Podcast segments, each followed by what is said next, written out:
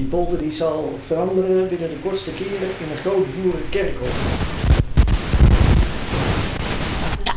Ik zou er niet aan moeten denken dat het uh, ingepolderd is. Ik, ik hou van water. Je mag wel een sprotje pakken, die hebben we nog wel. Ik ben niet zo'n visliefhebber. Oh, dan tref je het niet hier op Nee? Een spotje.